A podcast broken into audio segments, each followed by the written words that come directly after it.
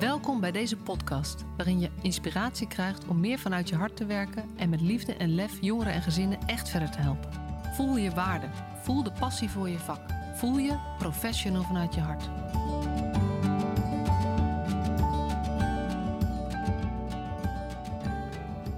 Onwijs leuk, alweer een nieuwe aflevering van de Professional vanuit je hart podcast. Ik heb er weer onwijs veel zin in. Ik uh, ben uh, mijn huis uh, uitgegaan om met deze gast in gesprek te gaan. En dat is eigenlijk omdat wij iedere keer als we elkaar spreken, steeds denken: oh, maar hoe zit dit en hoe zit dat? En wij hebben zoveel te bepraten. Dus toen was eigenlijk het idee: we gaan een podcast opnemen en we maken lekker wat langere afspraken om wat meer door te nemen. En dan heb ik het over Nicoline den Ouden. Uh, en ik heb Nicolien voor het eerst ontmoet uh, bij de Harte Huis Awards. Ik denk in 2019? Ja, of 18. 18, 2018 denk ik. Ik weet het niet. In ieder geval ja. toen heeft Christel Noppen de award gewonnen voor de meest uh, inspirerende jeugdbeschermer. En Christel zit ook in mijn podcast. Dat is aflevering 18 uit mijn hoofd. Dat is helemaal het begin geweest. En Nicolien, ik stond met Christel te praten en Nicolien stond erbij als een blij ei. Dus uh, uh, nou ja, toen bleek ook dat Nicolien Christel uh, genomineerd had. Dus dat was heel erg leuk. En toen werkte zij bij Jeugdbescherming West. inmiddels, wij volgen elkaar een beetje via LinkedIn. En nou ja, we zijn elkaar de afgelopen tijd een paar keer tegengekomen. en Nicolien is op ontzettend veel plekken in het land en vooral ook in, vanuit het Haagse betrokken geweest bij het ondersteuningsteam Jeugd. en jij moet alle precieze termen maar even doen hoor. heb je van alles gedaan. Uh, en je bent op dit moment ook betrokken bij het ondersteuningsteam rond de toeslagenaffaire. Voor ja. de ouders en voor de kinderen. En volgens mij heb je heel veel meer gedaan. Maar uh, ja, zoveel inspirerende dingen en ook dingen waar ik niet zo heel veel van af weet. Dus ik dacht, uh, laten we er eens een podcast over opnemen. Leuk. Ja, welkom. Welkom in je eigen huis, maar wel in mijn podcast. Ja, jij ook welkom. ja, dankjewel. hey, ja, je hebt, je hebt al eens geluisterd, zei je al. Dus je weet ook de eerste vraag. Ben jij een professional vanuit je hart? Ja, ging ik natuurlijk ook wel over nadenken. Ik dacht, ja, ik ben zeker professional vanuit mijn hart en wel altijd met dat hoofd. ik kan dat hoofd niet helemaal, uh, niet helemaal uitschakelen. En um, dat vanuit je hart, dat is echt denk ik hoe ik dingen doe. Of hoe ik dingen uh, overbreng. Of hoe ik wil dat de ander uh, met mij omgaat en ik met de ander omga. Dat is echt dat professional vanuit je hart zijn, ja. Ja, ja voor mij. Ja, ja, en het is wel grappig, hè? want voor mij zit dat hoofd er helemaal bij. Want dat zit voor mij in het woord professional. Want anders oh, zo. doe je maar wat, zeg maar. En denk ja. ja, een professional, je kan geen professional zijn volgens mij... als je niet ook je hoofd en je kennis en ja. je, nou ja, je bewustzijn of zo meeneemt. Ja, ja. Dus uh, dan zou het helemaal volmondig ja zijn. Ja, ja, en dat is ook zo. En ik dacht ook, het is niet alleen het hoofd en het hart. Het is ook uh, heel zweverig, maar het is ook je buik. Het is ook je intuïtie. Het is ook je gevoel. Het is ook um, uh, mijn hoofd zegt dat ik dit moet doen, maar ik voel dat ik het op een andere manier doe. En dat hart, dat zit een beetje zo in het midden. Ja. Toch? Ja. ja. Ja. ja, dat is wel grappig, want dat is ook mijn eigen ontdekking de laatste tijd. Dat ik denk, ja, die, er zit gewoon een zoveel diepere laag onder. Ja. Maar ik weet ook, als, je die te veel, als ik die te veel aandacht geef in het eerste gesprek, of in, weet je, daar haakt natuurlijk een deel van de mensen op af. Want als je daar niet zo mee bezig bent, dan weet je dat niet zo. Ja. Terwijl de goede verstaander, die hoort dit verhaal er wel achter. Ja. Dat is ook wel, uh, uh, dat is ook wel zo. Dat is ook, uh, ja, dat buikgevoel. Ik zag van de week een, een tegeltje van omdenken was dat. Soms mm. weet je hart al wat het moet doen, maar moet je hoofd er nog een beetje aan wennen. Mm. Mm. Dat is ook zo'n... en daar mag je best wel wat meer op vertrouwen. Ja. Maar ja, om nou ik denk, ja, ik ben dan dit jaar 40 geworden. Um, en uh, ik weet niet of ik dat 20 jaar geleden ook al zo kon. Hè? Toen had het echt een enorme functie om flink te vertrouwen op mijn hoofd. Ja, en, want uh, is, was dat, als je zo terugkijkt naar hoe je toen in je werk stond en de, de dingen ja. die je überhaupt van het leven deed, was dat ja. meer je hoofd? Ja, ik denk als je, als je uh, net van de opleiding af bent en je, je dan Weet je, dit werk, uh, hè, wij, wij werken dan allebei in de jeugdzorg of voor de jeugdzorg in mijn geval. Dat doe je vanuit je hart. Ik bedoel, dat, dat moet je doen met een bepaalde bevlogenheid. Uh, anders, anders ga je denk ik niet, uh, anders ga je het niet doen. Um, maar je hebt je kennis en je, je hebt je, de kennis van je collega's in het begin heel erg nodig, weet ik nog wel, om, om je werk goed te kunnen doen. Ja, en ik denk dat ik gaandeweg uh, meer ben gaan vertrouwen op mijn eigen ervaring natuurlijk ook. maar ook wel op dingen als gevoel. Ja. En hoe komt het dat je dat, dat, dat hoe kijk je daar zelf naar? Ja, ik denk dat je, je ontwikkelt je als mens. Hè? Dus ook zoiets simpels is het. Gewoon ouder worden. Maar ook wel ervaringen opdoen. En ook wel, ik ben dan mijn um, hè, werkende leven begonnen als jeugdbeschermer. En uh, nou, daar stond ik dan. En uh, uh, je, je, je doet dat zo, zo goed als je, als je kunt. Um, en op een gegeven moment heb je meerdere situaties gehad. En dan denk je, ja, weet je, voor jou, ik zie jou gewoon, die ander. En ik denk, dat, ik weet dat ik eigenlijk naar links moet of zo. Uh, maar ik denk toch dat het voor jou beter is om naar rechts te gaan, of in ieder geval iets meer naar het midden. En dat dan durven, ja, daar heb je denk ik ook gewoon ervaring voor nodig, of ervaren collega's. Ja, dat, dat moet groeien, toch? Ja.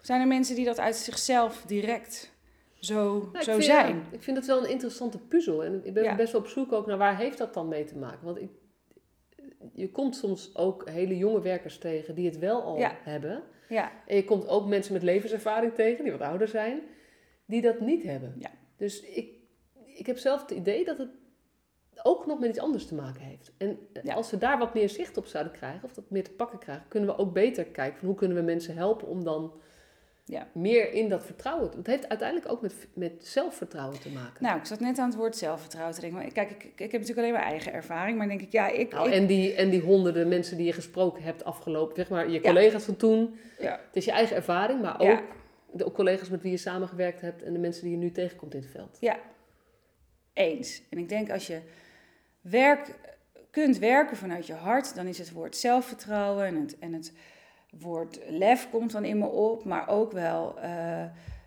um, een gezamenlijk verantwoordelijkheidsgevoel. Als jij uh, vanuit je hart gaat werken, dan heb je wel ook je collega's nodig die, die, die, achter je staan ook, hè? denk ik. Dus dat zijn wel dingen die er bij me oproepen. En de een is daar eerder dan de ander. Ik heb daar... Ik, ik ben helemaal niet zo uh, heel... Ik ben niet zo'n lef gozertje, wou ik zeggen. Maar dat vind ik natuurlijk niet. Maar daar ben ik eigenlijk in de basis helemaal niet. Dus ik heb wel altijd eerst dat hoofd nodig en de ratio uh, voordat ik iets uh, uh, meer durf. Of meer te gaan voelen. Maar je hebt natuurlijk ander type mensen die daar eerder zijn. Maar dat zijn wel de woorden, denk ik. Ja, er zullen er vast nog meer te verzinnen ja. zijn. Maar dat zijn wel elementen die maken dat je met rust, pff, weet je, vanuit je hart kunt, ja. bij de ander kunt komen. Ja. Ja, en wat natuurlijk een beetje mijn insteek bij het boek is, want het woord zelfvertrouwen is één ding, maar ik denk, we kunnen eigenlijk pas bij een ander echt zijn als we ook bij onszelf kunnen zijn. Ja. Dan wordt het heel, nou, we hadden het over, het wordt bijna ja. weer een beetje zweverig, maar ja. dat is natuurlijk deels is dat zelfvertrouwen, maar dat is ook, um, nou ja, gewoon meer met jezelf in verbinding ja. zijn. En dat is wel, toevallig was deze week weer dat bericht over uh, uh, hoe het met de jonge, jongere generatie in Nederland gaat. Ja. Um, dat, ik denk dat dat iets is wat wel voor veel mensen moeilijk is. Ja. En is dat, hoe is dat voor je? Hoe is dat bij? Is, heb jij dat altijd gehad? Sterk verbonden met, je, met jezelf? Nee. Nee. Of misschien ook wel. Uh, um, ik denk dat ik wel uh, uh, gezegend ben met ja, zelfkennis of zo. Ik weet wel, ik weet wel waar mijn uitdagingen liggen. En uh, um, ik weet wel op welke vlakken ik ook een enorme ontwikkeling als mens heb doorgemaakt. Maar dat echte, um, nee, weet je, ik moet daar wel hard voor werken. Ja, ja dingen gaan niet vanzelf. Nee. En wat maakt dan, want dat, dat geldt voor mij ook, dat, dat ik, weet je, jij zegt ik ben niet zo'n lefgozer, dat zeg ik over mezelf ook wel eens, dat ben ja. ik helemaal niet. Nee. Daarom kom ik ook op voor iedereen 5%. 5% is hartstikke veel. Als je dat te veel vindt, doe 2% of 1%. Ja. Maakt niet uit welke kant op. Maar toch heb ik wel vrij vroeg, ben ik wel die ontwikkeling ingegaan. En heb ik ook, ben ik op zoek gegaan naar die zelfkennis en zo. Dat proactief opgezocht. En als je dan ergens tegenaan loopt, je gaat kijken, maar wat... Ja, natuurlijk, dit systeem, er gebeuren rare dingen in. Maar hoe komt het nou dat ik hier zo op reageer of zo? Mm -hmm. Hoe is dat bij jou? Ja, ik denk haast dat je daar niet aan ontkomt als je dit werk doet. Ja, of dus, dat, want dat zie ik ook, dat mensen dat niet doen, maar ja, dus eigenlijk een soort van afvlakken om in dit systeem te blijven overleven. Ja. Ja, dus je hebt verschillende typen mensen. Je hebt mensen die, En dat is natuurlijk overal. Ja. Je hebt mensen die, die eh, ehm, de wolf in de bek kijken. En je Ja. hebt mensen die om heel veel begrijpelijke redenen eh, wel een ommetje gaan doen natuurlijk. Maar ik denk bij dit werk, en dat heb ik ook altijd wel veel om me heen gezien hoor, moet je jezelf en de ander wel uitdagen om jezelf heel goed te kennen. Om te weten wat je grenzen zijn. Om te weten wat, je, wat, jij, wat jou heel erg raakt in mensen, waar je op aangaat, maar ook waar je helemaal op stuk gaat natuurlijk. Ik weet wel dat, dat ik ehm, eh, pas toen ik het werk ging doen, mijn ouders zijn gescheiden toen ik 14 was bijvoorbeeld. En dat was echt niet zo heel dramatisch hoor. Maar toen ging ik dat werk doen als jeugdbeschermer. En dan kwam ik in hele complexe echtscheidingszaken terecht. En dan was ik toch weer eh, eigenlijk zelf dat kleine kind. In die, en had ik dan niet zo door. Dan heb je je collega's nodig die zeggen: joh, dan kom jij weer op intervisie uit bij hè, dat soort type zaken. Wat zegt het over jou? En, eh, dat, maar dan, en dan heb je daarnaast je collega's nodig, die, die, dan, die zeiden dan tegen mij: Jou raakt het, mij raakt het niet. We spreken gewoon af dat jij eh, niet veel van dit soort eh casuïstiek krijgt. En ik ging weer aan op hele andere dingen. En ik denk dat dat de kracht is binnen teams die voor zulke ingewikkelde opgaven staan, dat je heel goed van elkaar weet waar de talenten zitten en waar de energielekken zitten. Ja. En je kunt er niet altijd wat aan doen. Ik bedoel, werk moet worden gedaan, hè? Ehm, maar je kunt, er wel, je kunt wel kijken hoe je daar zo goed mogelijk rekening mee kunt houden. Ja, maar dat vraagt dus dat je van jezelf weet hoe Ja. het bij jou werkt. Dat Ja. je bereid bent om ook naar je eigen stuk te kijken.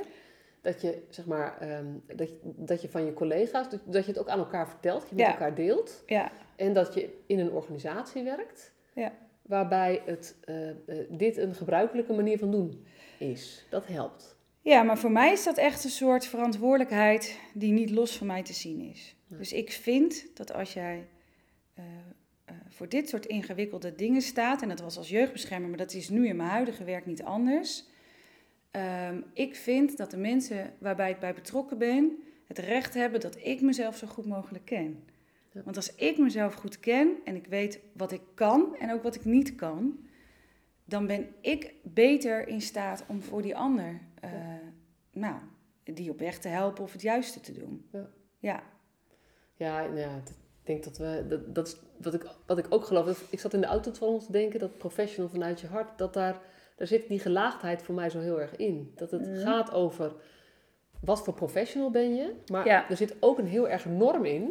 Ik vind dat in, in eigenlijk alle brede sectoren, want die hele, ik heb natuurlijk het- in mijn nieuw boek- nieuwste druk van mijn boek wordt de ondertitel verbreed naar jeugd, tussen haakjes, zorg, onderwijs, sociaal domein ja, dat eigenlijk in al die sectoren, als je werkt met, met kwetsbare mensen of mensen in een kwetsbare situatie, moet je als professional, weet je, je moet gewoon jezelf kennen, bij jezelf blijven, vanuit jezelf ook het contact kunnen maken, ja, om van betekenis te zijn voor die ander. ja, Dus voor betere zorg, eh, onderwijs, sociaal domein hebben we ook deze professionals nodig. ja. En organisaties moeten dat faciliteren. Ja. Nou, dat is knap lastig Nou ja, en eigenlijk een stap verder moeten we het stimuleren. Want het faciliteren is eigenlijk nog, dat klinkt bijna als, ehm, het moet mogelijk zijn om, Mhm. Maar eigenlijk heb je dus bestuurders of managers of allebei of teamleiders met lef nodig die juist eh, eh, die diversiteit tussen professionals onderling bijvoorbeeld aanmoedigen. Die zeggen, joh, het is fijn als jij, Ja. als jij weet dat je dit soort zaken wel wilt of deze soort zaken niet. Ja, ja, Dat Ja. zijn wel... Dat gaat wat mij betreft dus... ehm, en ik, reageer even op het faciliteren, omdat ik nog wel eens meemaak. Dan nou ja, vertel je ergens je verhaal, dat is hartstikke leuk, wordt goed ontvangen. En dan zijn managers of bestuurders ook heel blij mee. En dan, eh, gaan, dan zeggen ze inderdaad, ja, we moeten het faciliteren. Terwijl ik denk, dit is een parallel proces. Als jij wil dat dit, als jij er echt gelooft dat dit goed is voor wat er in jouw team gebeurt en met de Mhm. mensen gebeurt, Mhm. zul jij op dezelfde manier moeten samenwerken met je of Ja. collega-bestuurders of met je collega-managers. ja. In plaats van nadenken, hoe kunnen we onze mensen faciliteren? Mhm. Dus daarom reageer ik daar even op. Want dat, dat hoor ik nog wel veel als reactie op... eh, ja, we moeten mensen, eh, die professionals moeten meer vanuit hun hart werken. Ja, dan gaat het over, en hoe faciliteren we ze? Ja. Nee, Dus zij moeten dat doen. jij moet het doen. Ja. Om, jij moet dit zelf doen als manager of als bestuurder... of als Mhm. wat voor rol je ook hebt. Mhm. eh, om mensen ook uit te nodigen. En men- ja, mensen wachten gewoon op toestemming dat het mag. Ja, wat is de beste toestemming? Als je het laat zien. Mensen leren van wat je doet, niet van wat je zegt. Je moet het voorleven. Je moet het voorleven. Ja, in alles in je organisatie. Ja. Ja. Ja. En de tijd gunnen. En de tijd gunnen. Ja. ja, absoluut. En het is eigenlijk natuurlijk breder dan organisaties, want het, is, het speelt natuurlijk in de hele samenleving en de maatschappij. En dat is misschien een mooi bruggetje naar ehm, waar jij nu eh, ook bij betrokken bent en, en je hart Ja. voor maakt. Ja. Want eh, nou ja, de, de kinder, kinderopvangtoeslagaffaire heet die volgens mij Ja. in de compleetheid. Ja. Eh, en was van de week natuurlijk weer een rapport, misschien wel vandaag, over de Belastingdienst. Hoe, dat die met schuld, schulden opeisen Ja. zo dominant zijn dat, dat heel veel mensen in de problemen komen. En dat dat nog veel meer mensen zijn dan die nu met de toeslagenaffaire naar boven zijn gekomen. Ja. Wat eigenlijk hetzelfde probleem is. Eh, en waarbij toen gezegd is, ja, het moet op maat. Maar dat blijkt niet zo gemakkelijk te gaan binnen de systemen, als ik het even heel mild mag uitdrukken. Ja. Maar dat is weer, er kwam weer een kritisch rapport bij, bij de stapel Ja. bij kritische rapporten. Ja. En in dat hol van de leeuw, Ja. daar eh, beweeg jij eh, Ja. in deze, deze jaren. Ja. Kan je daar eens iets over vertellen? Wat, wat je rol is, wat, wat, wat jullie rol is, maar... Ja. Ja, nou ja, de- eh, je hebt dus eh, ehm, het ondersteuningsteam voor gedupeerde ouders die te maken hebben met uit huis geplaatste kinderen. En Van de toeslagaffaire. van de toeslagaffaire. Want dat, is, dat, is wel, dat zijn echt...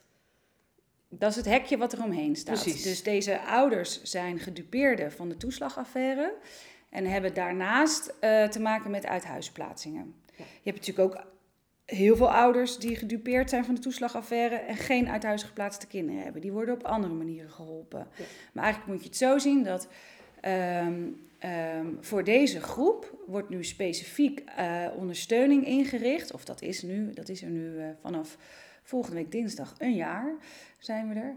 Ehm, omdat dat wel zoiets ingewikkelds is. Maar je moet ook wel zoveel know-how hebben van hoe het zit rondom uithuisplaatsingen. Wie je daar allemaal bij moet betrekken. eh, eh, nou, wie daar allemaal bij betrokken zijn. Dat daar eigenlijk een apart team voor eh, moest worden ingericht. En ehm, eh, ik werkte toen al bij het ondersteuningsteam Zorg voor de Jeugd, bij het OZJ. Daar deed ik heel veel andere dingen. En zo ben ik uiteindelijk in dit team terechtgekomen. En wat eigenlijk, ehm, het is een, best wel een politieke opdracht ook. Hè. Wij zijn er op verzoek van de Tweede Kamer. Ehm, ja, en wij zijn gaan zitten en we zijn gaan puzzelen en we wisten het niet. Hè. We zijn met niks begonnen.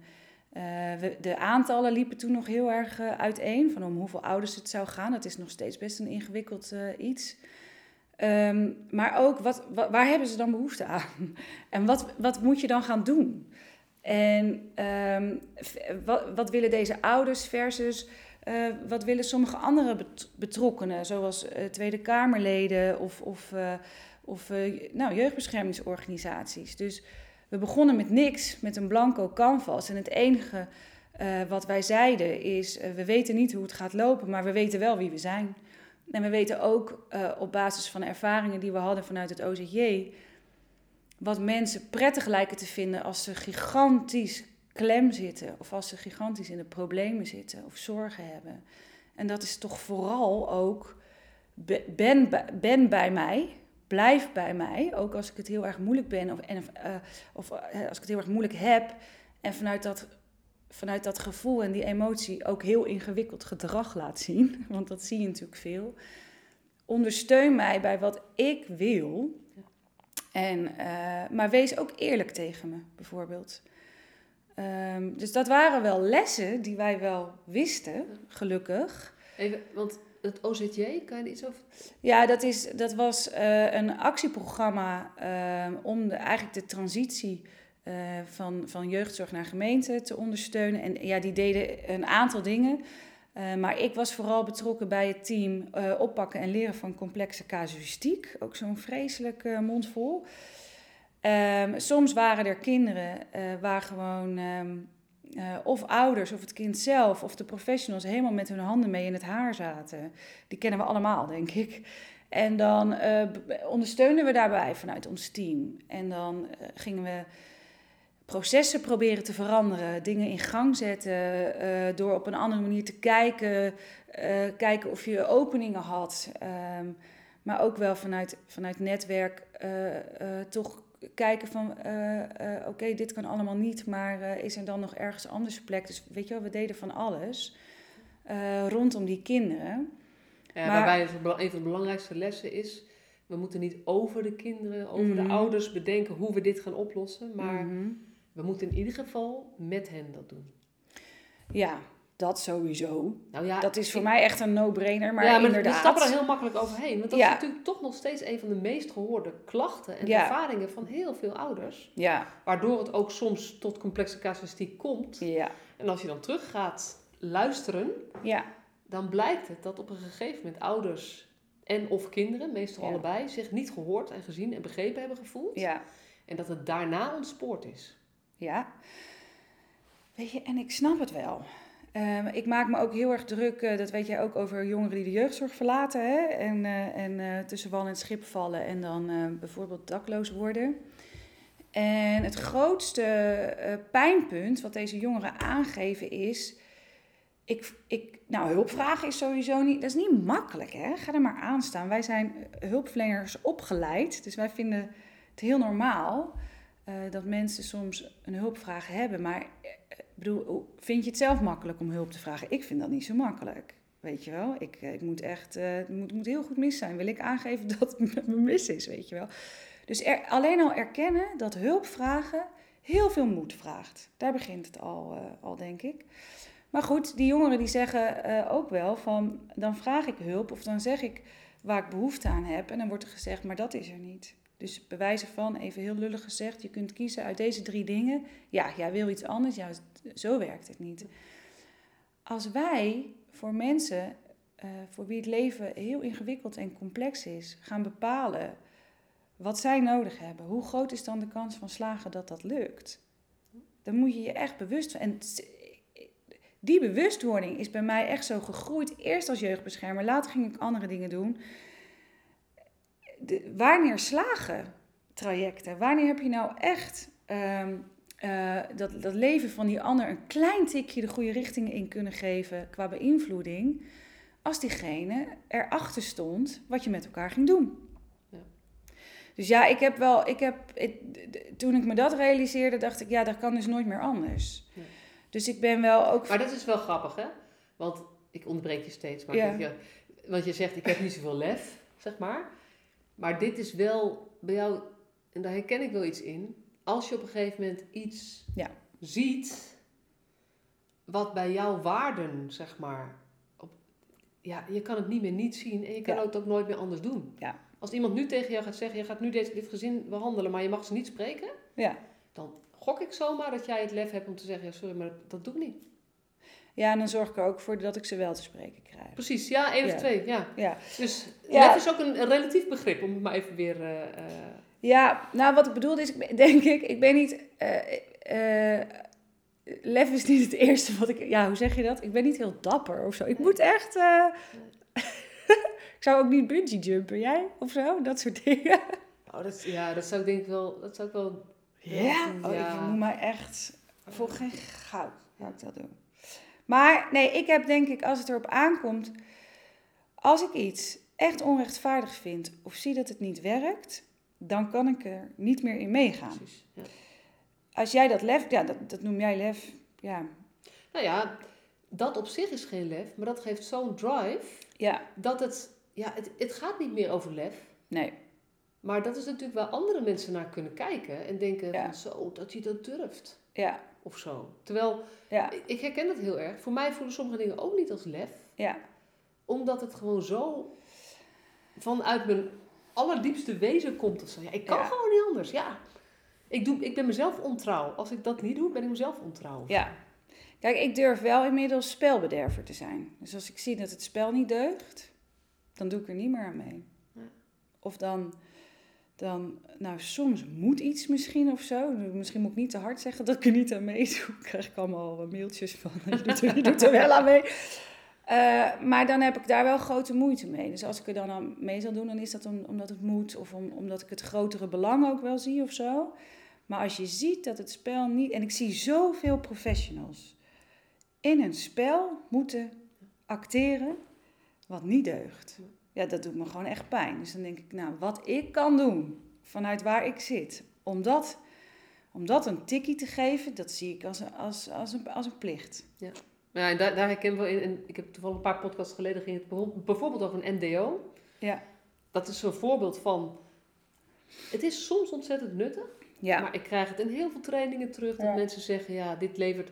Eigenlijk, ze weten van tevoren al dat het niks gaat opleveren, Oh ja. maar ze Ja. gaan er wel heen. En Ja. iedereen blijft dat doen. Ja. En eh, als je eigenlijk vraagt hoe zou het voor deze moeder zijn, dan dan denken ja, nou, pff, dat. Ja. Ja. En in, in die podcast zeg ik ook van ja, dit is dus iets, je kan ervoor kiezen om daar niet meer op dezelfde manier aan mee te doen. En met kleine tikkies het anders te gaan doen. Ja. Je hebt- Dus- Daarin heb je wel eigenlijk veel meer vrijheid dan dat mensen voelen, denk ik. Ja. Ja. En, Ja. en ik denk dat, dat het helpt om dat soort concrete voorbeeldjes te noemen, te delen met elkaar van degene die dat. Want het is een andere vorm van lef, hè? Maar dit, Mhm. eh, je, je, nou ja, je zegt, jij durft spelbederver te zijn. Dat ik ja, het is best wel spannend om iets wat eh, lange tijd op een bepaalde manier gaat, als de eerste te zijn of de enige te zijn die zegt: hé hey joh, maar Ja. volgens mij klopt dit niet. Ja. Ja. En, ehm, maar als je daarmee dingen in beweging krijgt, wat gelukkig eh, in mijn geval eh, wel meestal zo is, ja, weet je, dan is het niet spannend, dan is het gewoon super gaaf. Ja, Weet ja je wel? daarna. Ja, daarna. En het is wel hard werken, hè? En soms lukken dingen ook niet. En weet je wel, ik, ik schrijf dat nog wel eens van me af op LinkedIn en zo. Ik ben hartstikke ge- gefrustreerd. Ik denk dat het... Of nee, nou niet als mens, maar op dat soort eh, dingen, weet je wel. En misschien is het wel makkelijker om mee te gaan in het spel... ehm, terwijl je denkt, ik vind het helemaal niet meer zo'n leuk spel. Ik kan dat niet. Ik ga, ik zal, maar ik zal nooit iemand veroordelen die dat wel doet. Maar ik, ik kon het niet meer. Nee. Dus ik ben heel... eh, ik ga echt iedere dag met heel veel plezier en energie doe, doe ik wat ik doe. Omdat ik... Omdat ik wie krijgt nou de kans om, om met, met een aantal gelijkgestemden bijvoorbeeld zo'n team te mogen inrichten? Helemaal naar hoe wij het willen. Ik hoefde geen rekening te houden met een bepaalde organisatiecultuur, weet ik veel wat, want die hadden we niet. Dus die konden we creëren. En dat is natuurlijk ook omdat de opdracht direct uit de Tweede Kamer kwam. Ja. Als tegenreactie op, hey, dit, dit wordt niet goed genoeg gedaan, denk ik dan. Nou, Dus of deze moet- groep heeft extra ondersteuning nodig, want dit is echt heel Ja, ingewikkeld. En dit moeten we niet binnen de reguliere organisaties beleggen. Ja, dat was ingewikkeld. Ja. Want ik snap wel dat de organisaties dat in eerste instantie eh, zeiden van leg dat dan bij ons. Maar daarvan, was, eh, ja, daarvan werd toch gezegd, een onafhankelijk opererend team eh, is wellicht voor deze ouders om naast te staan veel veiliger. En dat is ook wel gebleken. Dus als je bij ons, eh, wij houden heel veel bij qua monitoring over wat we doen en hoe, het werkt en wat ook niet werkt. En dan zeggen ouders wel van het feit dat, dat, je van niemand bent. Kijk, wij zijn er in opdracht van de Tweede Kamer en daarmee van het eh, ministerie van Justitie en Veiligheid, maar wij zijn heel ver van hun afgeorganiseerd. Dat is bewust. Wij zijn in principe van niemand. Wij zijn er voor jou. Maar, we- maar, maar we kunnen wel wat. We zijn niet. We zijn ook wel. Hè, de procesbegeleiders zijn wel goed toegeruste professionals. Die hebben wel wat in hun tas. Dat moet ook wel in dit werk. Ja. Ja. Ja, want nou, ja, pakken we het haakje daar weer op met eh, Nou ja, de ouders bijstaan eh, die te maken hebben gehad met, met de toeslagaffaire. En ook eh, dat hun kinderen uit huis geplaatst zijn. Dat is de groep waar jullie Mhm. de steun aanbieden. Mhm. Dat is natuurlijk de groep waar, eh, nou ja, waar Peter Pannenkoek toen over begonnen is met de staatsontvoeringen. Mhm. Waarvan de Tweede Kamer zei, die kinderen moeten terug, waarom zijn ze nog niet terug? Waar er dan Ja. getallen verschijnen in de media. En de ene keer is het 400, is het 700, 1700, 43, whatever zeg maar. Ehm, en iedereen, zeg maar, ik denk iedereen die deze podcast luistert, weet ik natuurlijk niet zeker, maar zal begrijpen dat het gaat niet zomaar dat als er een toeslagaffaire is, dat er dan besloten wordt, oh nu gaat jouw kind uit huis. Dus het is altijd ingewikkelder dan dat. Ja. Ehm, ja. Maar toxische stress, door zoveel geldzorg te hebben, waar je je voor schaamt of, of eh, eh, wat je moeilijk vindt om te delen, eh, eh, de dingen die je daardoor moet doen, eh, de geheimen die je daardoor misschien wel hebt. ehm, ja, dat, dat, dat, dat, nou, dat, laat ik zo zeggen, dat heeft niet geholpen. En als je naar onze, wij hebben dan nu zo rond de 370 eh, ouders en daarmee nog veel meer kinderen in ondersteuning. Als ik ze, ieder mens is uniek natuurlijk, zeg maar. Eh, maar als ik ze een beetje grof in twee eh, groepen zou verdelen, dan heb je de groep die, die het al zwaar had. Dat klopt. Die, waar jeugdzorg misschien ook al wel betrokken was. Of, of um, moeders die zelf vroeger een uithuisplaatsing hebben meegemaakt. Dus kwetsbare ouders die, waar al wel zorg om was en die dan ook nog eens gedupeerd zijn geraakt. Dus bij wijze van spreken uh, op maandag een, een, een, brief op de mat kregen van je moet zoveel geld terugbetalen. En dat moet heel snel. En uh, als je dan probeert daar een regeling op te treffen, dan, dan kom je in een enorm uh, moeras terecht. die groep is er zeker. Nou, daar heeft deze toeslag, de toeslagaffaire aan zich, of um, het hebben van zulke geldzorgen, is geen reden om een kind uit huis te plaatsen. Maar het heeft wel allemaal ongelooflijk veel invloed op hoe zij hebben geleefd en op hoeveel stress zij hebben gehad. En dan hebben we ook een groep die echt, en, en weet je, dat raakt mij gewoon enorm. Uh, gewoon zoals jij en ik. Echt. Um, dus mensen die levens leiden zoals wij dat leiden, waar we super trots op zijn. Maar bijvoorbeeld 40.000 euro in één klap moeten terugbetalen, dat, dat gaat niet. Dat gaat bij mij nu ook niet. En dan dus enorm in de problemen kwamen en keuzes hebben gemaakt uh, die er uiteindelijk voor hebben gezorgd dat hun kinderen uit huis zijn geplaatst. En dat, dat, dat kan bijvoorbeeld ook zijn dat je uh, drie banen uh, moet nemen en heel vaak je kinderen alleen thuis zitten, wat niet goed is. Maar wat wel verklaarbaar is als je zoveel geld moet terugbetalen en het vaak in je eentje doet. Het waren vaak alleenstaande moeders. En um, of, of gewoon psychisch zo ontregeld zijn geraakt door die enorme druk. Ik denk echt dat wij te weinig begrijpen wat, een, wat toxische stress met je doet in je lijf, in je, in je, met je geest, gewoon met überhaupt de dag door kunnen komen. Nou, en dat, dat, dat zie ik. Ik zie echt zwaar getraumatiseerde mensen door, door dit alles, met heel veel traumagedrag. En weet je wel, dat, is, nou, ik had een tijdje terug nog um, een van de moeders uh, aan de lijn schreeuwt. En die schreeuwt niet omdat ze boos is. En nou helemaal niet op mij. Maar die, dat is wanhoopsschreeuwen, hè? weet je wel. Van, uh, ja, die, die zei, ik heb op jouw LinkedIn een profiel gekeken. Ik heb gezien wat je hebt gestudeerd. Ik heb gezien waar je hebt gestudeerd. Ik was daar ook op dat moment. Jij bent twee jaar ouder dan ik. Ik was daar ook. Wij deden hetzelfde.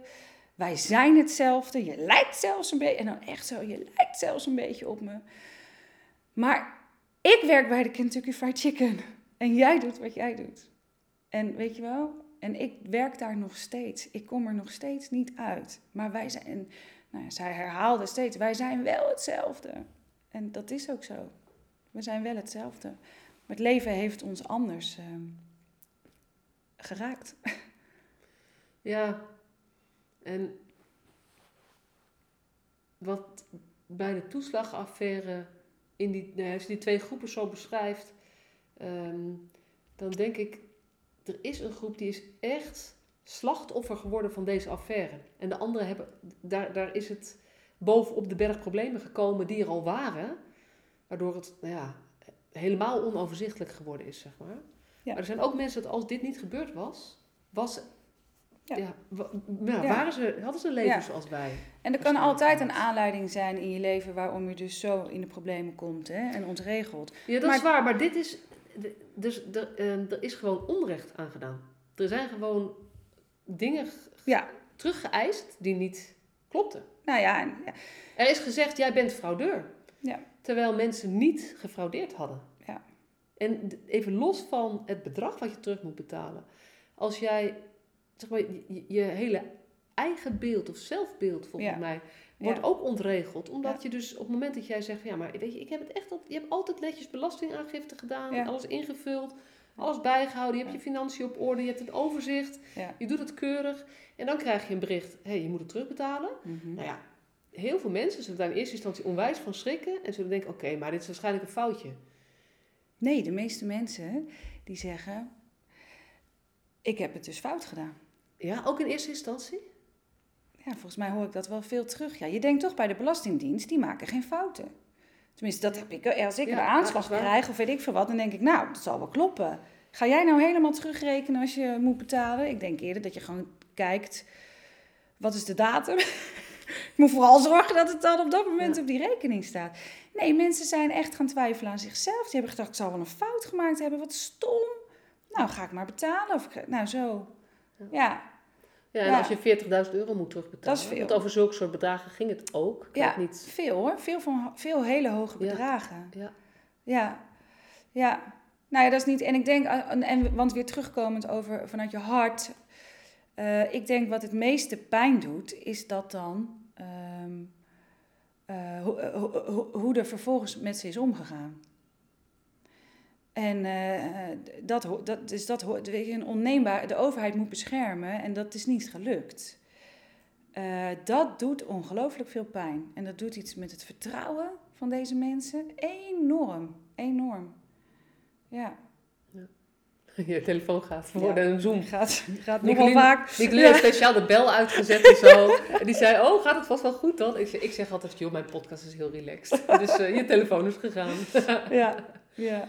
Nou, ehm, hoe de mensen is omgegaan en wat dan precies? Wat heeft zo... wat- Nou, geen contact kunnen krijgen. Ehm, eh, eh, voor, in general denk ik dat mensen die eh, kwetsbaar zijn of waarmee het niet goed gaat, het heel vervelend vinden. ehm, eh, als er niet naar ze wordt geluisterd of als ze, als ze geen contact kunnen, kunnen maken met de ander. En dat zag ik bij het OZJ eh, al met eh, complexe eh, casuïstiek dan, wat ik echt een stom woord vind. Want Ja, die kinderen die Ja, zijn niet complex, veelal. Ehm, het ligt niet aan hun, weet je wel. Maar goed, daar zag je dat al. En, en dat, dat, nou, dit is daar ook een voorbeeld van. En zo zijn er nog wel tal voorbeelden te bedenken, denk ik. Ja, en dan gaat het... Je zei natuurlijk even toxische stress. En dan gaat bij mij gaan allerlei haakjes weer. Dan dacht ik, ja, wat, wat is eigenlijk hetgene... Als iemand in stress schiet, en ik denk dan ook aan, aan window of tolerance en Mhm, dingen. mhm. Wat is er nodig? Iemand Ja. die ernaast staat, die rustig is, Ja. zodat je kan...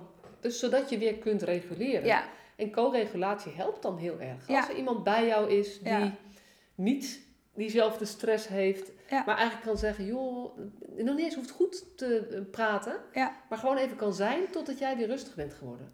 En dit was dus precies het omgekeerde. Ja. Want zij waren op zoek naar iemand Ja. die hen een stapje verder kon helpen en ze kregen geen gehoor. Ja.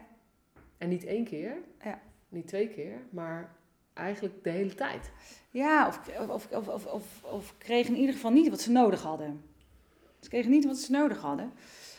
En ik denk dat dat een soort van de sleutel is ehm, bij dit, maar ook in de jeugdzorg. Ehm, Of in de GGZ. ja, waar mensen zijn die ondersteuning nodig hebben, zijn, weet je wel, het zijn volgens mij drie vragen. Eh, eh, wie ben je, weet je wel? Wat is jou overkomen? En wat heb je nu van mij nodig? Ja. En niet, eh, dit is dus het gedrag wat je laat zien. Ehm, en daar heb ik bij wijze van spreken dit aanbod op. Ik vind dat we veel meer behoeftegericht gesprekken moeten voeren, maar ook interventies moeten plegen.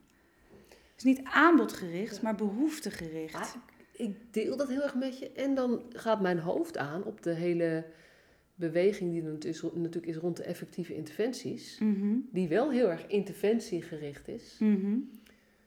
Ehm, want dan vraag ik me af of de interventies die wij ontwikkelen, Mhm. in hoeverre die aansluit bij de behoeften die mensen hebben. Ja, nou ja, de vraag stellen is een beantwoorden, denk ik. En ook, maar ook, eh, hoe blij ben je dan met een interventie die je hebt ontwikkeld, als, als het niet aansluit bij de behoeften voor degene voor wie je het hebt ontwikkeld? Nou, het is maar net wie je dat vraagt. Mhm, Dat is natuurlijk, ik, denk, wij zijn het daar met, met elkaar over eens. Ik denk dat wij er dezelfde antwoord op hebben. mhm, Maar als je kijkt naar toch methodiekontwikkeling en dat soort mhm. Ehm, dat er nog steeds best wel veel geïnvesteerd wordt in Mhm. het ontwikkelen en doorontwikkelen van specifieke interventies. Ja. Ehm, waarbij het eigenlijk een van de kunsten is een steeds smallere doelgroep. Ja, Waar, waar wij als professionals dan, en niet uit slechte intenties, maar wel betere interventies voor die doelgroep gaan ontwikkelen. mhm. Maar dat is echt nog iets anders dan behoefte gestuurd Ja, aansluiten. Ja. En ja, ja ik, ik geloof heel erg wel, ja, ik denk, wij zitten denk ik heel erg op één lijn. Dat ik denk, ja, volgens mij is de belangrijkste taak of job of rol die je hebt, die wij hebben, Mhm. is mensen helpen weer een, iets meer de regie in hun eigen leven op te kunnen pakken. En zelf weer iets meer sturing te kunnen. En jij zegt een zetje de goede kant op Ja. geven, zeg maar. ja.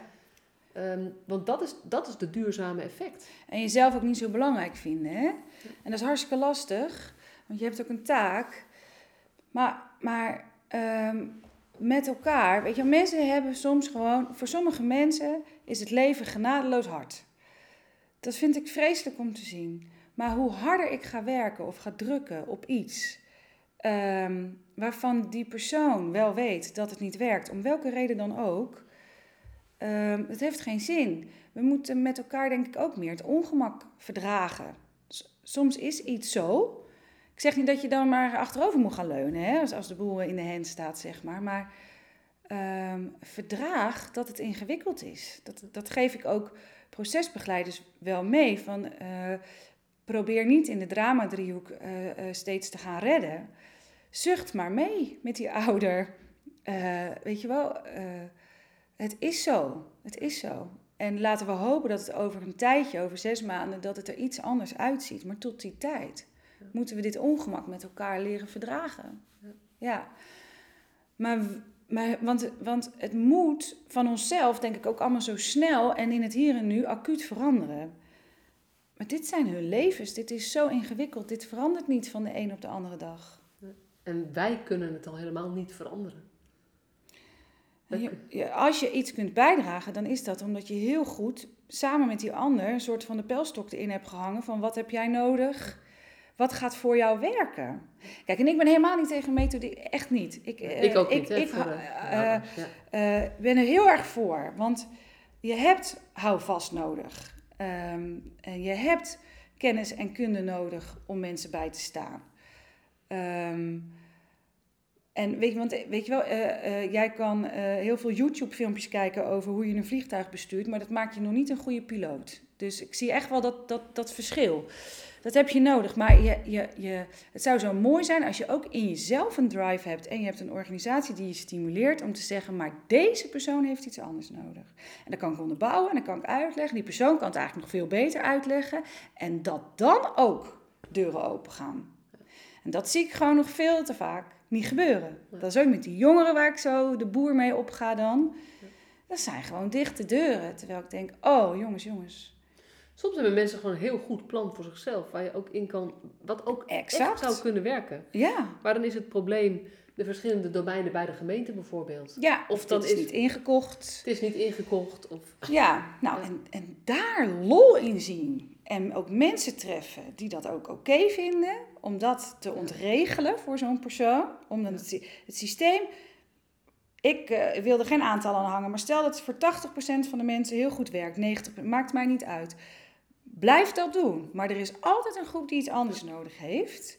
Ga daar alles voor doen. Dus die, die professional die het moet doen die, die persoon zelf, maar jij ook als, als eh, waar jij werkt, eh, eh, ga daar alles voor doen om ook die persoon goed te bedienen.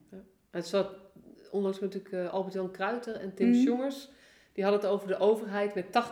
Voor 80% van de mensen werkt het prima. Voor 20% van de mensen zouden we eigenlijk een, anders, een andere overheid, vooral een anders georganiseerde overheid Ja. moeten hebben. En Ja, jij bedoelt volgens mij ergens een beetje hetzelfde. Want ja. we hoeven helemaal niet alles los te laten wat we hebben. nee, Want heel, voor heel veel mensen werkt dit perfect. prima, goed. Ja.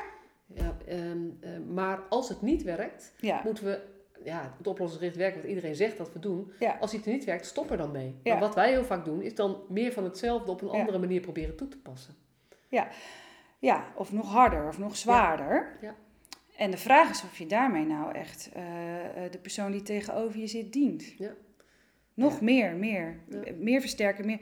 Je ziet bij iedere eh, doorplaatsing van een kind wordt het vaak zwaardere zorg. Ja.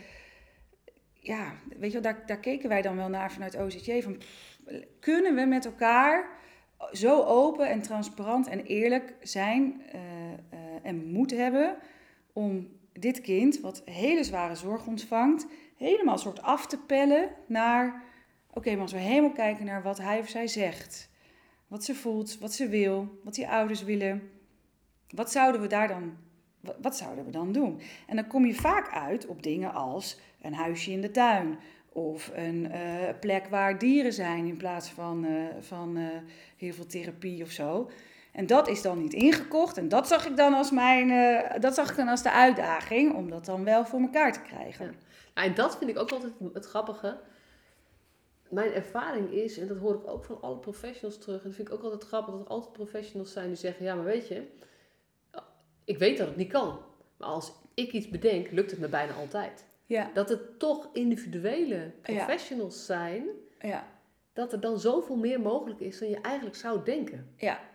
Dus het is ook vertrouwen hebben in je eigen, eigen, ehm, eh, eigen overtuiging of je eigen verhaal Maar dat, van de dat mensen. begint met dat het moet mogen. Dus, dus eh, ehm, als ik daarbij betrokken was, dan zei ik, je hebt een blanco cheque. We laten even alles helemaal los. Nou, er ging even iets mis met de opname, maar we zijn er weer. Gelukkig is het bewaard gebleven. Je zat midden in een hele bevlogen zin, maar ik weet niet meer waar het was. weet ook- jij het nog? Nee, eh, nee. Hey, en we moeten ook naar een afronding toe. En ik weet ook dat als, zeg maar, als de opname aan blijft staan, dan hebben we nog vier podcasts. Ja. Maar we gaan, het, eh, we gaan het wel richting afronding. Wat ik wel zelf nog... ehm, je noemde het woord... Er zijn een paar dingen waar ik nog eventjes op... op je noemde het woord toxische stress. Mhm. Daar, dat is, volgens mij is dat een thema wat meer aandacht verdient dan het nu krijgt. Mhm. Kan je uitleggen wat je daarmee bedoelt? Nou, als je door redenen. Kijk, ik, ik ken het dan omdat deze mensen financieel zo in de problemen zijn gekomen. Maar je hebt natuurlijk andere redenen, denk ik, die echt toxische stress kunnen veroorzaken. Als je dat hebt, dan kun je eigenlijk niks anders meer. Dan is dat er altijd. Dat zie ik ook bij jongeren die niet weten waar ze volgende week eh, eh, verblijven. ehm, hè, met hun plek maar dan wel naar school moeten. Ja, want je moet wel. Maar wat denk je wat zo'n gast op school zit te doen? Als je niet weet waar je volgende week zit, dan kun je toch niet naar school. Dan kun je toch ook je therapie niet volgen. Dus ik vind aandacht voor dat soort dingen. je ziet dit eh, ook bij, bij, bij eh, ingewikkelde echtscheidingen. Het lijkt Dus me ook iets wat ontzettend stressvol is. Voor zowel die ouders als, als, als voor de kinderen. Ja, dan is het natuurlijk wel logisch dat je gaat uitvallen op andere vlakken. En ik, daar zou ik wel de bewustwording voor willen vergroten. En ook wel, ehm, ehm, dan zie je dus bepaald gedrag. Dus in het geval van de jeugdzorg, op het moment dat jeugdzorg betrokken raakt, dan, dan is het dus iets. Nou, dan zijn er zorgen om de kinderen. Dan moet het beter gaan met de kinderen. Dat kan voortkomen uit gedrag van ouders, waarbij het weer voortkomt uit stress. Maar we gaan dat gedrag aanpakken. En we gaan hulp organiseren voor de kinderen en dat soort dingen. Of we Maar- gaan ouders pedagogische vaardigheden leren. Precies. Maar als jouw hele bestaanszekerheid op zijn grondvesten staat te trillen, dan kan jij die pedagogische vaardigheden helemaal niet leren. Dan, moet, dan denk je echt zo, jij lult maar een eind raak, alsjeblieft. Maar ik heb iets anders aan mijn hoofd. Dus ik vind echt dat we het ons, aan onszelf verplicht zijn als maatschappij en weet ik veel, alles, om veel meer aandacht te hebben voor dat bestaanszekerheid een recht is, je basis is, dat we daarop moeten inzetten. Ik denk dat, dat, dat er dan zoveel winst te behalen is. Winst in de jeugdzorg, maar eh, nou, eh, ik denk dat mensen veel minder vaak naar de huisarts gaan met klachten. Als, jij, als, je, als er aan je bestaanszekerheid wordt getort, dan ga je glijden op Ja. alle gebieden. Ja. ja. Ja, en dan is het maar net waar je oppopt. Dat kan zijn als verward persoon. Ja. Dat kan zijn ehm, eh, bij de politie doordat je geld nodig hebt en op die manier geld, ergens Ja. geld gaat halen wat niet mag. Maar Ja. ja, je kinderen moeten toch eten? Ja. Dat kan zijn doordat er een, een melding wordt gedaan dat jouw kinderen ehm, eh, zonder eten op school komen, bij wijze van spreken. Ja. Je krijgt, kan extra ruzie krijgen eh, Ja. doordat je allebei zo gestrest bent. Nou ja, iedereen die een relatie heeft weet dat als je allebei niet lekker in je vel zit, is niet de meest gezellige periode in huis.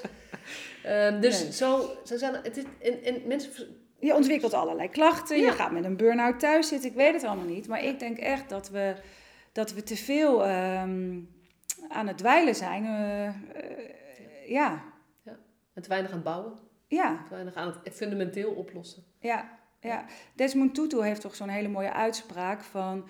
eh, je moet op een gegeven moment stoppen met mensen uit de rivier te trekken. Maar je moet kijken hogerop Hoe ze überhaupt in die rivier terechtgekomen zijn. Zoiets, Ja. van die strekking. Maar dat is het. En dan denk ik dat je vaak op bestaanszekerheid zit. Dus onrust op wonen, ehm, onrust op financiën. Gewoon je zijn, je leven. Ja, en, en eh, wat bij, vanuit de documentaire Alicia en die, die Hm. dialogen die daarna kwamen, ook bij wie je nog hoort.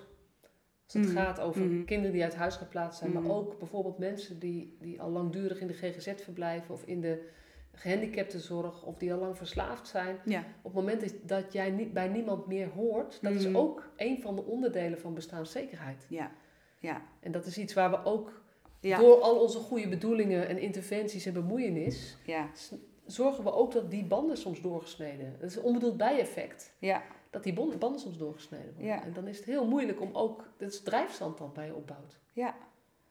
Ja, ja wat blijft er dan nog van je over hè, als je bij niemand meer hoort?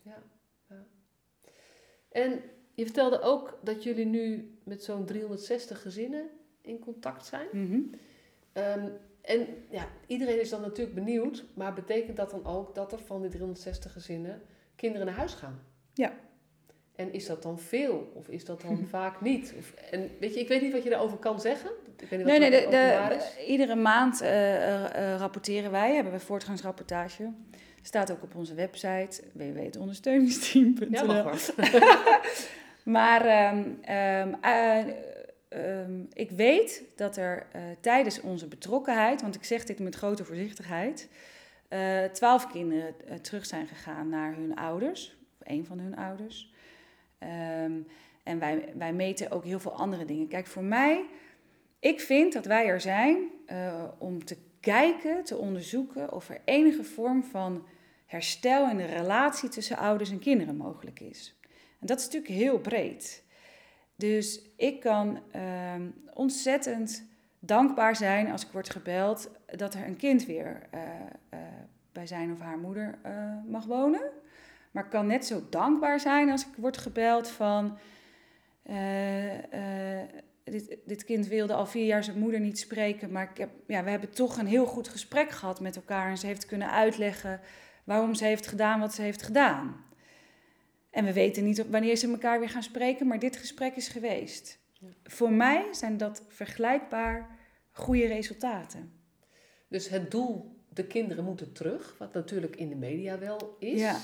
Wat ook een beetje, ja, de Tweede Kamer, ik weet eigenlijk niet hoe de opdracht geformuleerd is, maar dat was wel een beetje de ondertoon van Ja, dit is onacceptabel. Die kinderen moeten zo snel mogelijk herenigd worden en terug naar hun ouders. ja, Daarvan zeg ja, ja, er is zoveel gebeurd in Ja. die tijd en in die jaren. Het is altijd complexer ja. dan dit. ja. En voor ons is dat dus ook niet het doel. Nee. Ik weet dat dat aan ons kleeft, maar je zal het mij nooit horen zeggen. Nee. nee. Want daar moet je heel zorgvuldig mee omgaan, dat ten eerste. Ten tweede, wij gaan daar niet over. Wij hebben dat mandaat niet. Men heeft, eh, er zijn echt mensen die hebben gezegd dat we dat mandaat wel moeten hebben. Wij willen dat mandaat niet.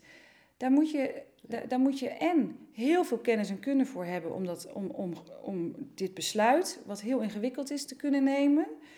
Ehm, en het zou ook iets doen met onze onafhankelijkheid als wij dat mandaat wel hebben. Want dan ben ik, zijn de procesbegeleiders uiteindelijk toch degene die daar een beslissing over Ja, moeten dan word je nemen. een oordeelsvormer. Ja. En nu ben je een procesbegeleider om Ja. te zorgen dat, dat de, het verhaal van de ouders, Ja. het verhaal van de kinderen, Ja, echt volledig eerlijk op tafel komt. En eh, nou ja, liefdleidend is voor wat er ja, gaat gebeuren. ja. Maar die kinderen staan voorop, hè? Ja. Dus wij staan ouders bij. En dat, de- iedere dag, zo goed en zo kwaad als we kunnen. Maar uiteindelijk eh, zijn wij er ook voor het belang van de kinderen natuurlijk. Natuurlijk, het gaat, het zijn hun, het gaat om hun. Ja. Nou, en dan, eh, eh, dan begrijp je dat het er na een jaar twaalf zijn. Ja, Ja, en dat heeft natuurlijk ook mee te maken dat sommige zaken al, het echt al heel lang Ja. speelt. Ja. Al, al tien jaar of langer. Ja. Sommige kinderen al misschien zeven jaar ergens anders wonen of tien jaar ergens anders wonen. ja, Ehm, eh, en sommige kinderen ook al gewoon volwassen zijn. Dus natuurlijk gaan die niet meer terug naar huis. Nou, en weet je, eh, de meeste van de ouders die ondersteuning eh, willen van ons, vragen niet of hun kinderen terug naar huis kunnen. Dat, dat, dat, dat denkt men misschien of zo. Zij willen het beste voor hun kinderen. Ja. En ehm, zij houden ongelooflijk veel van die kinderen en weten dan dus, in- wat jij zegt, dat soms zo'n kind al zeven jaar ergens anders woont. En dat je dat niet lichtzinnig, dat je daarmee moet omgaan. Zij willen dat het goed is voor de kinderen. Maar zij willen wel ondersteuning. En zij willen eh, gehoord worden. En zij willen ehm, kijken wat dan wel. Wat dan wel. Ja. Nou, en ja, ze willen gehoord worden en ze willen ook voor zover het is. En daar zit iets in dat, dat recht gedaan wordt aan hoe het voor hen is geweest. Ja. Ja. Ja. En, en het is ook wel gewoon knap in lastig blijkt om ook. ehm, eh, als je bijvoorbeeld meerdere kinderen hebt die niet thuis wonen, dan heb je vaak heel veel afspraken met professionals. En die ouders die zien we gewoon een beetje worstelen met ik moet. Weet je hoeveel tegenstrijdige belangen er zijn op eh, ouders die hulp nodig hebben? Want ehm, je moet natuurlijk naar de eh, afspraken met je kinderen, de- de- hè? maar je moet ook naar de afspraken met de professionals. Maar je moet van je jobcoach aan het werk. Eh, maar die afspraken met die professionals zijn vaak overdag. Ehm, ehm, nou, eh, je, eh, je, je GGZ-behandelaar voor jouw trauma's zegt... het is beter voor jouw rust eh, als je niet werkt. Maar ja, je jobcoach zegt je uitkering... Oh, als mensen kwetsbaar zijn, jongen, dan bijten die belangen elkaar af en toe zo.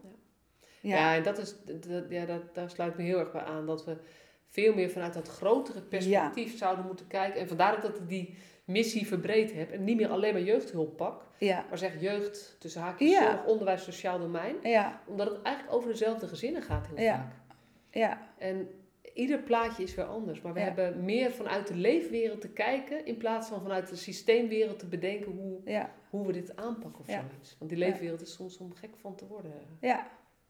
Ja. En ik weet wel... Kijk, ik vond best wel heel... eh, nou, dat vond ik dus heel spannend, werken voor dit ondersteuningsteam. Ik dacht, oh, moet ik dat wel doen? Kan ik dat wel? Kan, nou, daar heb ik echt wel aan getwijfeld. En ik heb ook wel gedacht... Ik ben, dat, ik bedoel, ik was dat al jaren niet meer. Maar ik denk, ik ben wel vroeger jeugdbeschermer geweest. Kan ik het ook wel om die reden doen, hè? Ben ik wel zo neutraal? Ik heb me echt die vragen wel eh, gesteld. Ik vind ook dat ik dat verplicht ben. Ehm, maar ik weet nog hoe ik als jeugdbeschermer een keer heb moeten duwen, trekken bij een woningbouwvereniging over dat, omdat een gezin van mij werd uitgezet uit de woning omdat ze de huur niet betaalden. En, dat, en ik zei, ah, maar als je dat doet, dan moet ik die kinderen uit huis plaatsen. En het zijn er drie. En ik heb niet één pleeggezin waar ze naartoe kunnen. En doe het niet. En ze deden het wel. Zij deden wat ze moesten doen. Binnen hun kader eh, hebben zij het juiste gedaan. Daardoor moest ik doen wat ik moest doen binnen mijn kader. In die end hebben we niet het, dat, dat, we hebben niet het goede gedaan voor deze kinderen. Dus toen ik me dat realiseerde, dacht ik, als ik, als ik, dat is mijn motivatie om te werken in dit team. Om dit over te brengen van jongens, als de systeemwereld, de, eh, de leefwereld van deze mensen in de kont bijt, moeten die mensen dan zo hard werken? Of moet je in je systeemwereld op een rode knop kunnen drukken? Ja, en dat zul je mij altijd horen zeggen, denk ik. Het laatste. Ja, Ja. ja ik heel mooi gezegd. Ja, nou, dankjewel. Ja. Ja, de tijd eh, vliegt, hè? When you're having fun. Ja. Ja. Is er nog een uitsmijter die je mee zou willen geven aan de lu- luisteraars? Of denk je, nee, ik heb eigenlijk alles, weet je... Volgens mij heb ik toch echt zoveel gezegd. Ja, ben uitgeluld. ik kan me niet voorstellen. Nee, nee, nee, dat gebeurt niet gauw. Ja, nee, ja. Eh, blijf vanuit je hart eh, werken. Ja, hey, hartstikke bedankt. Was leuk. yes.